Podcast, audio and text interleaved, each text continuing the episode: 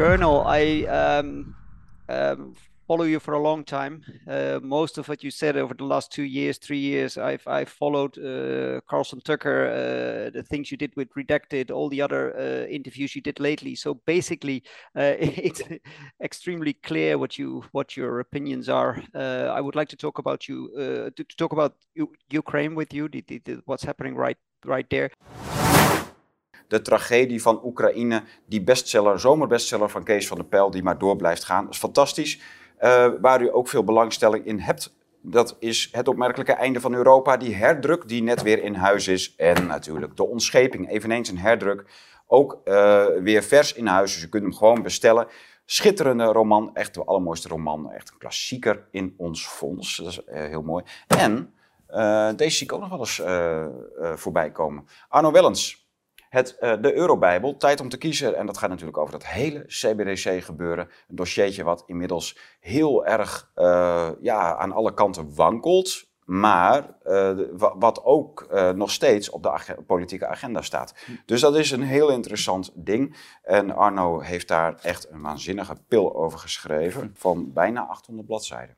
Dus daar staat echt alles in wat u moet weten over die Europese CBDC's. This whole situation in, in Ukraine has been amazing me from from day one. I mean, there's so many things that uh, don't seem to add up. Um, I think if I say that this war has been started by elites, uh, you probably agree with me. Um, there is something I don't understand. There seems to be, and, and you said that uh, several times, we have severely underestimated uh, uh the Russians, I think. Um, do you have any idea how this? I mean, I'm an intelligence officer, and I was a good one. Um, I know that uh, those elites we're talking about have better people than almost any army in the world. How could we have been mistaken so much in uh, Russia's capabilities in, in, in Ukraine? Do you have any idea? I think uh, it's fair to say that every major crisis or conflict in the history of the United States usually begins in the same way with amnesia. You have people that uh, categorically dismiss the importance of systematically studying the region where you're going to operate, understanding the uh, potential opponent. There is no interest in other people's interests. Yeah, Washington and the globalist community uh, that is in Europe, ruling today in Germany and, and France and other places, doesn't care about interests. They are pursuing what they think is an ideological objective to bring down this Russian state that will not open its borders, that will not abandon its national identity, and essentially prostrate itself before the West, be part of our financial hegemony as well as our military hegemony. Yep. Uh, that's that's the easiest way to think of it. Now, you're you're raising an important point. Somebody somewhere along the line must have had some sense and said, "Wait a minute, uh, we don't. You, what is your real objective?" And they say, "Well, the real objective is to harm Russia, bring down Putin." Well, it reminds me of Anthony Eden in 1956 during the Suez Crisis.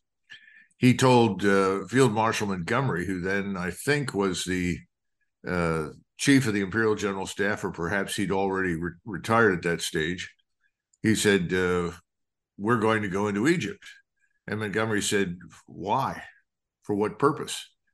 And he said, To knock Nasser off his perch. and Montgomery said, Well, that's absurd. Doesn't make any sense. You know, how, how do you plan to achieve that? Uh, what are you trying to create in the country? Chaos, civil disorder, you want it to disintegrate because those are real possibilities based upon what you've just said. And let's set aside a minute whether or not it's actually attainable. Why would the rest of the world sit there while you did this? Uh, you know, obviously it fell on deaf ears. Anthony Eden pressed ahead. They went into the Suez, and what happened? Disaster. Disaster. Yep. The whole thing was a mess. They weren't prepared. They didn't understand what they were dealing with. In that case, they grossly overestimated the Egyptians but they failed to prepare the groundwork. They didn't have a plan. They didn't know what the specific objectives were other than we want to get rid of Nasser. Well, we, are in the same position now. and of course, Anthony Eden was reliving, you know, his views of Hitler in the hmm. 1930s, which had absolutely nothing to do with Nasser or the Suez. We are similarly inclined today to see Putin as a Stalinist figure. Uh, the Russian army is another Soviet uh, imitation. It's all wrong. It makes no sense. True. But I think behind all of it, there are a group of very wealthy people. You in the in the East, you call them oligarchs. Uh, we we can talk about hedge fund billionaires. Uh, they have an interest in getting access to Russia's enormous resources. Yep. So whatever they can do to bring down the regime and fragment the country is, in their estimation, monetarily rewarding. Now that's a sick uh, notion in my judgment. Yep. But I think that's also played a role in all of this. And then remember, we Americans don't pay much attention to what happens overseas. Unless you kill a thousand of us on a particular day somewhere up beyond America's borders, Americans don't pay attention. Okay. And this is this has been the problem for 60 years. It's disastrous. It's true. Because what's happening right now is that we're completely depleting NATO, I think. And uh, as you mentioned in, in, in, various interviews, I mean, uh, how much breath do we still have being NATO to continue uh, this? I don't this... think there's much left. If it's... you go back to an interview that I did with Dimitri Simes in uh, January, actually, I think it was uh, uh, his co-host George Beebe, former CIA officer, it was in January before this this whole thing got started, and they were asking people to make pro, you know predictions. Well, one of my predictions, like so many others, was wrong. And that was I said the Russians absolutely go in. I was correct. I said that by the time this is over, NATO will collapse. I said that in January of 2022. Mm-hmm. The one thing that I got wrong, and I think a lot of us did, was that the Russians would go in as carefully, deliberately, slowly, and cautiously as turned out to be the case. Of course, we were not on receipt of the Russian General Staff's instructions from the president. And Putin, who really didn't want a war, uh, who is really trying to do something that you should never do as a head of state, which is quote unquote send signals, he was trying to signal the West. He had no idea how corrupt and venal the globalist elites dominating uh, Europe and the United States really were, and how you know, absolutely outrageously hostile they were. He, I don't think he ever anticipated that. He thought that once this got started, that people would stand up and say, "Look, we don't want a war in Europe." You know, I remember when I was a, an officer in the 1990s, the 1980s, but specifically in the 90s, and then along came the Kosovo Air Campaign, and I stood around talking to some of your colleagues in the Dutch armed forces as well as the Germans and the French and others, and they all said privately, you know, we thought NATO existed to prevent the outbreak of another war in Europe, not start one. Yep. Well, welcome to uh, reality. This is this is from the beginning been uh, engineered by Washington with support from London and Paris. And, and the, the Europeans are going to pay a terrible price. The sooner they wake up to this reality, and, and frankly, I think throw us out, the better off they will be. But that's a, that's an issue for them to resolve. But the point is that uh, you probably saw it at the beginning. I saw it at the beginning that uh, Putin went in in a way that was not uh, as expected. I mean, you knew, I knew that he could roll over Ukraine within five seconds. I'm exaggerating, but I mean, it, it wouldn't have been no, for him. Yeah.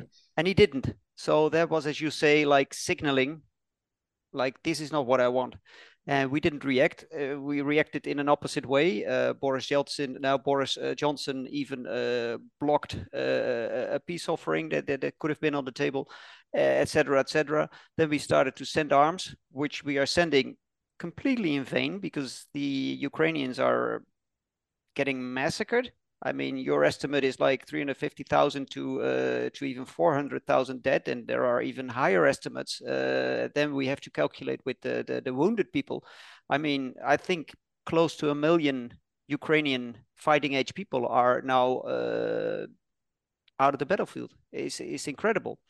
Um, we're getting and, and you know the thing that's so disturbing to me is that no one seems to care. I know that no one in Washington uh, cares whatsoever Now, I grew up with Ukrainians uh, in North Philadelphia, and I loved them. I thought they were great people. Yep. I also grew up with some Poles and Lithuanians and others. I was the odd man out because I didn't fit into any of those categories. But that's one of the reasons that I ultimately went to Europe to study in Germany. I was so enthralled by the people that I met, and they were equally enthralled with the Germans. Yep. And then I became interested because, of course, with the time we were facing the Russians. So, you know, I, I was trying from the very beginning to understand all of these individuals and all of these people. I'm not sure I ever completely grasped it, but I can tell you one thing with absolute certainty. No one in Washington understands any of it. Well, They the main point is that uh, when I went to Afghanistan, I, am the longest serving uh, mili- military uh, soldier in, in Afghanistan, and I, I served for two years uh, there. And I was an intelligence officer, but I served outside the gates always. And uh, my point was to live in the heads of our oppo- uh, opponents. I mean, that was what I thought was my work to to try to understand them till the the, the the the the very smallest detail. And I tried everything I could to to live in their shoes, to to walk their walk, and to talk their talk. And and I succeeded. Um, that way, I could properly inform my superiors, which was my job. Um, right now, I, I see the exact opposite. So I completely agree with you. We we completely don't understand Russian culture and and uh, Russian uh, despotism and Russian whatever is there. We we simply don't understand it, and and and we're eating ourselves at this moment. But then you mentioned, uh, I'm so sorry because, because we have only 40 minutes, so I have to rush a bit through my questions, and, and, and it could be that we're uh, disconnected. So in that case, uh, if I haven't a chance to properly thank you, I, will be doing That's it right now. Yeah. Um, but you mentioned uh, Poland, and in an interview I saw with you, um, you said something in, in, in the gist of of what's uh, NATO is doing right now hinges on what the the, the, the, the, the Polish government is, is doing. Could you elaborate a little bit on, on that? Well, the, the government in Warsaw has been very hostile to Russia from the first moment. And they are caught up in this emotional hysteria that, on the one hand, Russia is evil and any Russian has to be destroyed. And on the other hand, they see themselves as the inevitable imperial masters of much of Ukraine and, and Belarusia. I think that's falling apart right now. Uh, in fact, I received some information this morning from my friends in Poland telling me that 52% of Poles have now essentially said we want nothing to do with the war in Ukraine. Okay. Some say, well, we'll send support and assistance. But our real interest in Poland right now is to get millions of Ukrainians out of Poland. Okay. So that's a big change. So I think it's going to be very hard now for the Poles to be an American stalking horse because effectively that's what we tried to do with Ukraine. They were a stalking horse. Let's push and push and push, see how far we can go to the border with Russia. And if we can put troops and missiles and equipment out there in the east that will threaten Russia, that's a good thing. Then we can bully Russia. We forgot we weren't dealing with Iraq. We weren't dealing with uh, any of these sort of artificial constructs as opposed to real nation states. Russia is a real place. So you know, now we're paying a terrible price. But I think I think we're we're learning, and I think Americans are learning because they look and they say, you know, we have so many people in the United States uh, who need help and support. Why are we sending billions to Ukraine? It's a very simplistic formula, but it's it's working. Yep, see your point. Um, what will Russia do? I mean, they can't. I mean, if I analyze their uh, actions right now. They they they're like like pushing in small ways. They they're advancing their front a little bit. They dig in and they wait for the Ukrainians to come for them, and then they annihilate them. Uh, they attack with very small uh, infantry units units backed up by by tanks. I think they they they play a very uh, uh, thought out game. It's not so bad what they're doing. Um, what will be the decisive moment that Putin says this is it? Because I read the uh, the statements from the the the, the Vilnius uh, what was it the, the, the meeting the NATO NATO meeting we we just had and, and NATO is still on the same uh, as the same point of view like Russia's bad and we only accept a total retreat and uh, that will not happen. So, in your opinion, where in the end will this lead? Will they march on to Poland or, I mean, do you see any perspective here? Well, keep in mind that the last thing that uh, Vladimir Putin wants is to govern Ukrainians. So he, he'd rather not cross that river and march west. That's not that was never his plan. No. Nope. If you look at the areas where the Russian forces are currently sitting, those are historically Russian areas, and that's where the Russian speakers live. Yep. He has always said that Kharkov and Odessa would mm-hmm. once again be Russian cities. Mm-hmm. So I think that will happen. There's no question about that. I think at the same time, he's watching to see what the West is going to do. He sees Scholz in Berlin in an extremely fragile position. Uh, Scholz has an approval rating of about 31%. The German electorate says it wants a new government. Uh, I think the Germans have finally discovered that they're not only headed into a deep recession, but they're being deindustrialized. Their scientific industrial power is being destroyed. And again, the Germans are saying, well, we were never really consulted, were we? No one asked us whether or not we wanted to declare war. Instead, you had all these emotional outbursts from, you know, this woman Baerbock, uh, who is absurd, who refused to shake the hands, uh, the hand of Lavrov, the Russian foreign minister. It was just childish nonsense. And all of this, Moscow's watching and saying, well, how long before Scholz is gone? How long before Macron is gone? if they can get rid, I'm saying the Europeans, if they can get rid of those two, then I think you may have some governments that will come forward and say that's enough. Yep. And and there then you have Washington, and Washington is stuck in, in a swamp of its own creation. No one wants to retreat from ridiculous statements and policy positions. No one wants to step forward and say, you know, this was a real mistake.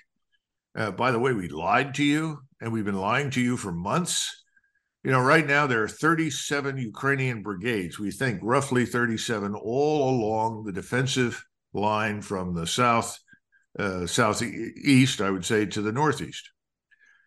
We think the Ukrainians may have six brigades in reserve. Uh, six brigades amounts to what, uh, 24,000. A little over 100,000 Ukrainians sitting in these defensive positions where obviously they are being hammered on a routine basis and yeah. dying every day. At the same time, uh, the Russians have 300,000 troops in reserve. And Putin has always been reluctant to commit that reserve and bring this to a rapid close because he's afraid that we will then suddenly convince everyone in NATO to go into Western Ukraine. And if that happens, then he's got a war in his hands that he really never wanted, but he is then compelled to win it. Yep can't back away. He can't allow this rump state that may emerge from this experience to be part of NATO. You know, from the very beginning, Ukraine should have been neutral, had no business being part of NATO.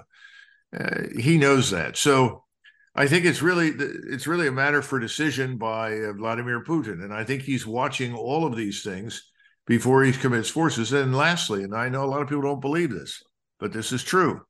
He doesn't want to kill any more Ukrainians.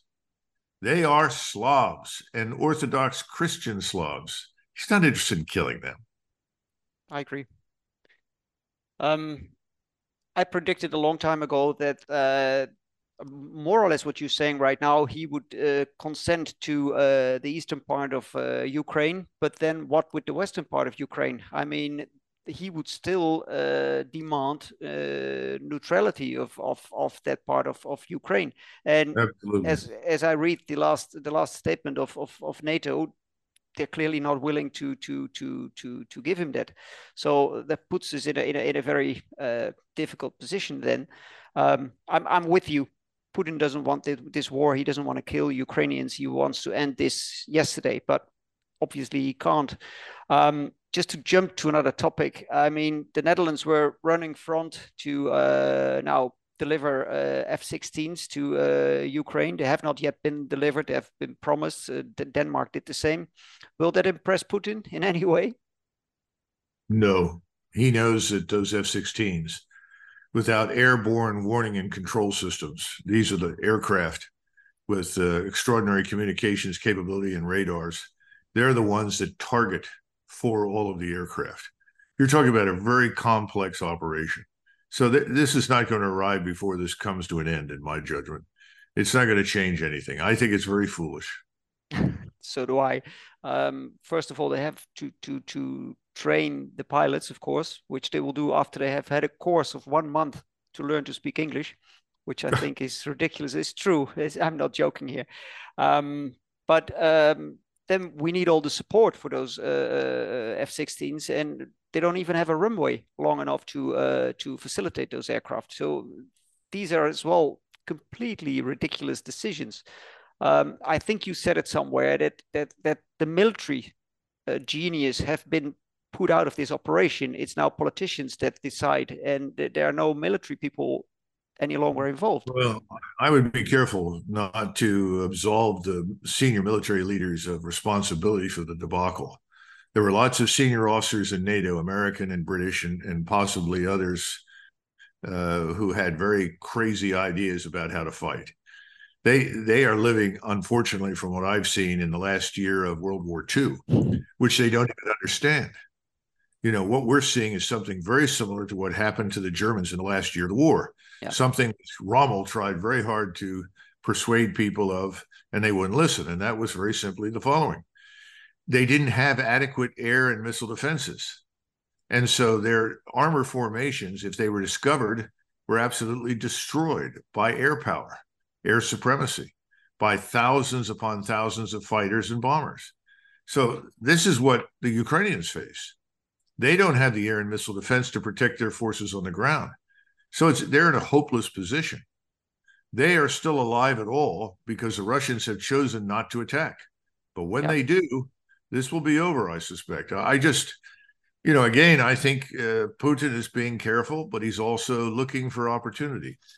The thing I worry about is that we will be stupid and think that his uh, reluctance to attack and end this on purely military terms is a sign of weakness. It's not. I, I am with you. Um, the decision of the US to deliver cluster weapons will that affect? I mean, you, you said something about that that uh, Great Britain, at least, and France and Germany were now like like uh, getting a little bit uh, reluctant about that, which will lead probably, hopefully, to some sort of division within NATO. What do you think about that? Well, my own experience with cluster munitions is that they're very effective against soft targets, human beings, uh, wheeled vehicles, wheeled yeah. armor. They have no impact whatsoever on tanks and, and other heavy equipment.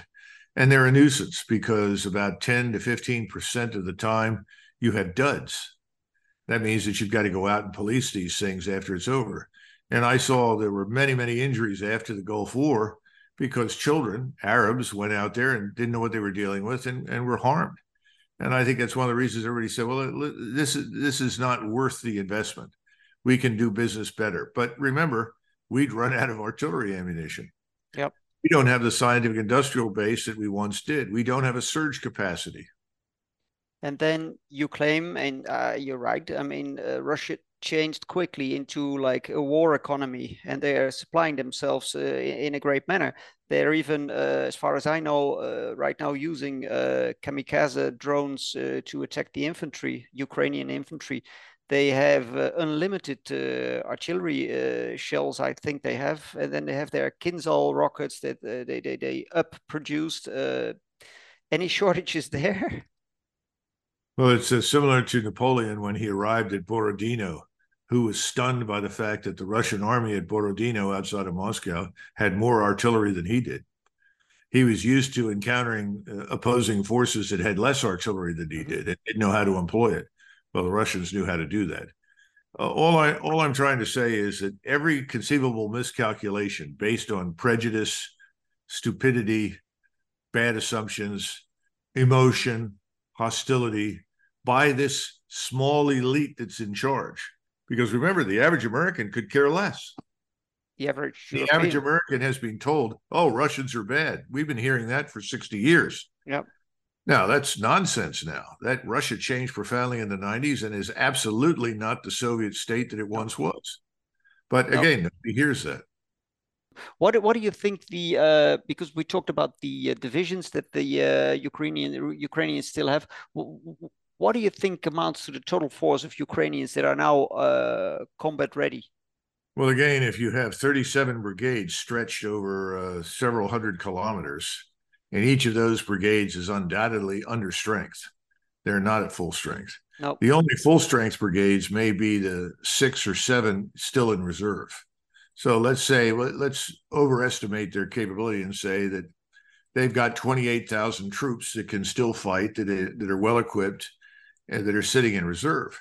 But again, what's their air and missile defense? It's almost non-existent. It's gone. Can't fight that way. It's it's suicide.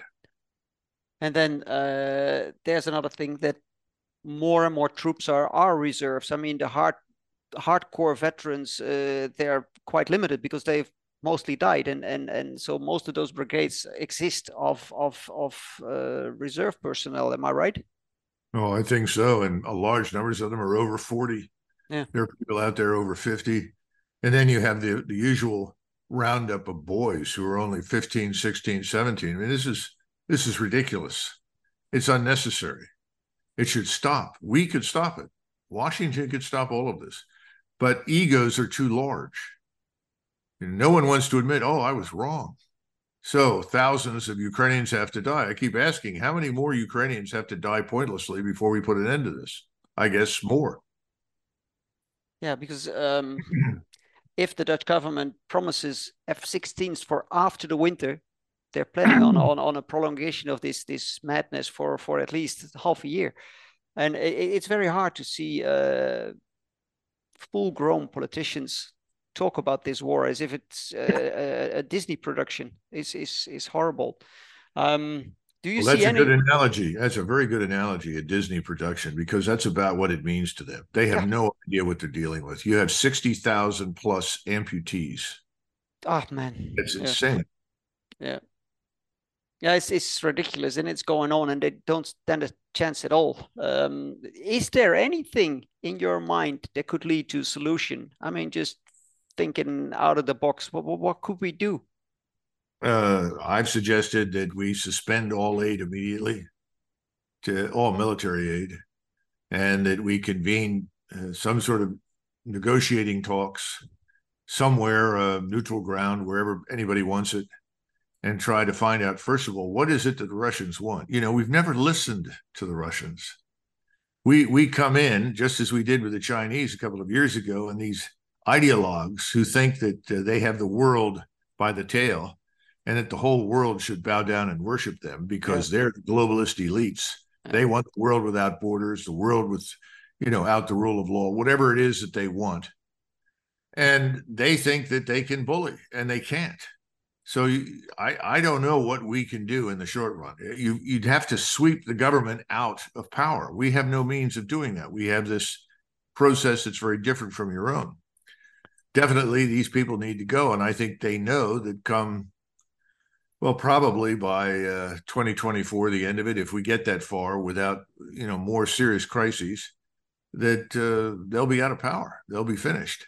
But you have a different system. You have a parliamentary system, so you can rid yourself of these disasters quite quickly. No, you can't because uh, the elites control the media. So uh, I mean, but you got to get people to stop believing the media. I know, I know it. That's what I'm trying. It's my job to to create a new kind of media, and, and and but it's very difficult. I mean, what's happening in Europe right now, and you probably uh, saw that in the news that uh, all these countries like Spain and Italy, and and recently Sweden, and uh, they they they choose a, a right wing government, but basically, it's the same. It's the same way of politics. They all uh, apply to the 2030 agenda. It's it's all the same, but it's new faces and nothing changes. So you have to make a shift for for system politics. You have to to, to Well, to... I think I think you hit something that's very important. We have the same problem here. The faces change, but the policies don't. Now, I also laugh at this far right business. There's nothing far right about the AFD or any of these parties. That's crazy nonsense it may be that we all have to go through turmoil. In other words, one or two more governments. Look at look at Britain. How many prime ministers have they had? Uh, this man Sunak's not going to last much longer. The situation over there is catastrophic. Yep. You know, Britain is sinking into poverty. For God's sakes. I lived it, there for a year. Un, it's unbelievable. So this isn't going to last, and we may have to go through turnover and turnover and turnover, and then it will end. Uh, I think uh, by then we shall probably have uh, pulled out. Uh, we we are not going to stay everywhere around the globe forever, and now that's what the the globalists would like. They think the world is their oyster, you know, and it's nonsense. Yeah, but the, the problem I have, I don't know where you stand on that because we're deviating from the subject, but it's not a problem. We still have like eight minutes, so why not? Um, what I'm afraid of is the whole digital digitalization of the world. I mean, there will be a time soon, especially in Europe, where we are no longer free to even. Uh, we will adopt to the same system as in China. Uh, they're, they're they're trying very hard, which is a different warfare that's going on, and whatever is happening in Ukraine uh, keeps our attention there while it should be on what's really happening in Europe. And it won't last long before we will find ourselves in a digital prison from which well, there remember, will be. Well, remember that the, the, the culture in China is different. Mm-hmm. Uh, people all the time are trying to make China into a big boogeyman. The truth is, it's a Confucian society. Conformity is the is the law. Social behavior is driven by conformity. Yeah. Not very different in Korea and in Japan. If you look at the probability of a conviction of a crime in a court in China, it's about 99%. Well, it's about 99% in Japan, 99% in Vietnam. Of course, in North Korea, it's 100%. But you know, my point is these these nations are very similar. This kind of thing works for them. The population supports it. We don't. I don't think we do. I know very well that my uh, ancestors would would roil at this sort of thing. I know. So this is a real danger to us, and we have to deal with it because these people. You're right. These globalists in power, if they can create some sort of surveillance system and then punish anybody who says or does anything they don't like, is real. I don't think it'll work here in the United States because, frankly speaking, there are too many Americans like me who won't conform, and we're armed. That's the problem. We are not. That's the, the big problem. I, I know why you are armed. That's exactly to avoid situations like this or the situation that's developing. But we don't have that. And I, I feel in Europe that uh, people don't care any longer. So what? Then we take a digital passport. So what? We take a we we, we put the WHO in charge of our health. Uh, it doesn't matter. I mean, the, the fight is taken out of people and I understand. I mean, if I see how the the, the, the, the generation after us has been raised, I mean, we quite effectively took the spirit out of them, and and and that doesn't leave us much to fight with. Well, your farmers have manifested some real character, and tried to di- tried to divert divert them from this dangerous path. Yeah, but that's a misconception. I mean, they went out to protest, but right now in November, they get a chance to choose, and they will choose for a certain uh, farmer party. But this farmer party is just equal to they support the 2030 agenda, they support uh, the WEF. Uh, I mean, everything remains the same, mm. and that the reason is that people don't take the time to to to properly inform themselves about what's happening, and and we're misinformed by the media, so it's very hard. I'm like like I mean, sorry to say so, but I'm quite I'm pissing into the wind. I mean, the people. Well, there, there are many Americans who uh, worry about the same thing. I am more optimistic here. Okay. Because I think uh, there are still lots of Americans, at least 70, 80 million of us, who absolutely will not conform to this nonsense. I don't know what the situation is in Europe. I am encouraged by some of the things I've seen in France. And I have always recall Metternich, the great foreign minister of Austria, who said, when someone in Paris sneezes, Europe catches a cold. Uh, I am hopeful that the French, strangely enough, may be the catalyst for change. Yeah, could very well be so. It's uh, let's hope for it. Here's one last thing that you know you might want to hammer home, and you'll understand this as an intelligence officer. We have people committed to outcomes who disregard the process that could facilitate the outcome or could reveal that the outcome is impossible. So it's outcome over process. Who's going to stand up and say, well, that's ridiculous, can't be done? Uh, and I, I think that's our biggest problem. Particularly for people in uniform. And there are too many people in uniform that have swallowed the, the Kool Aid, mm-hmm. uh, this crazy ideology. Uh, I, I run into people, all, all the Russians of this. I said, Have you been to Russia? Now, I haven't been in Russia since 2001, but it was very clear to me in 2001 that this Russia had a lot more in, in common with the Russia of Nicholas I mm-hmm. or Nicholas II or Alexander II than it did with the Soviet Union. And I found that very reassuring. And, uh, you know, Solzhenitsyn said the, the Russian soul belongs to God, not to the state. And I, I really like that formulation. And I wish Americans and Europeans would adopt it and make it clear the state doesn't own us. They don't own our children. They don't own anything. And if you put a stop to this nonsense in Russia, that's your the first giant step in the direction of, of rationality and reason and an end to the state domination that we all live under. Well, we simply don't seem to learn from our mistakes. I mean, um, we we the Dutch military in Afghanistan, for example, they made a huge clusterfuck of it. I mean, it was horrible what they did. They bombed the hell out of people for nothing just by not understanding the Afghan people. I mean, as you say, it was an outcome driven mission. Yeah, but I think again, uh, that's our fault because we dragged you in and we didn't know what we were doing. It's back to the Suez crisis. Yeah. What what are we trying to achieve? And you, you start pushing hard. One quick anecdote for you. I think it was in '68. Uh, President uh, L.B. Uh, Lyndon Baines Johnson sent General Bradley, the five star from the Second World War, to Vietnam to make an assessment. Bradley came back, met him in the Oval Office, and said, All right, I can't find anyone from the rank of company commander, captain, all the way up to four star general who knows what the hell they're doing. They haven't figured out what we're there for. Yeah. And LBJ said, Well, it's impossible, General you know, we're there to bring freedom and you know, all this other nonsense.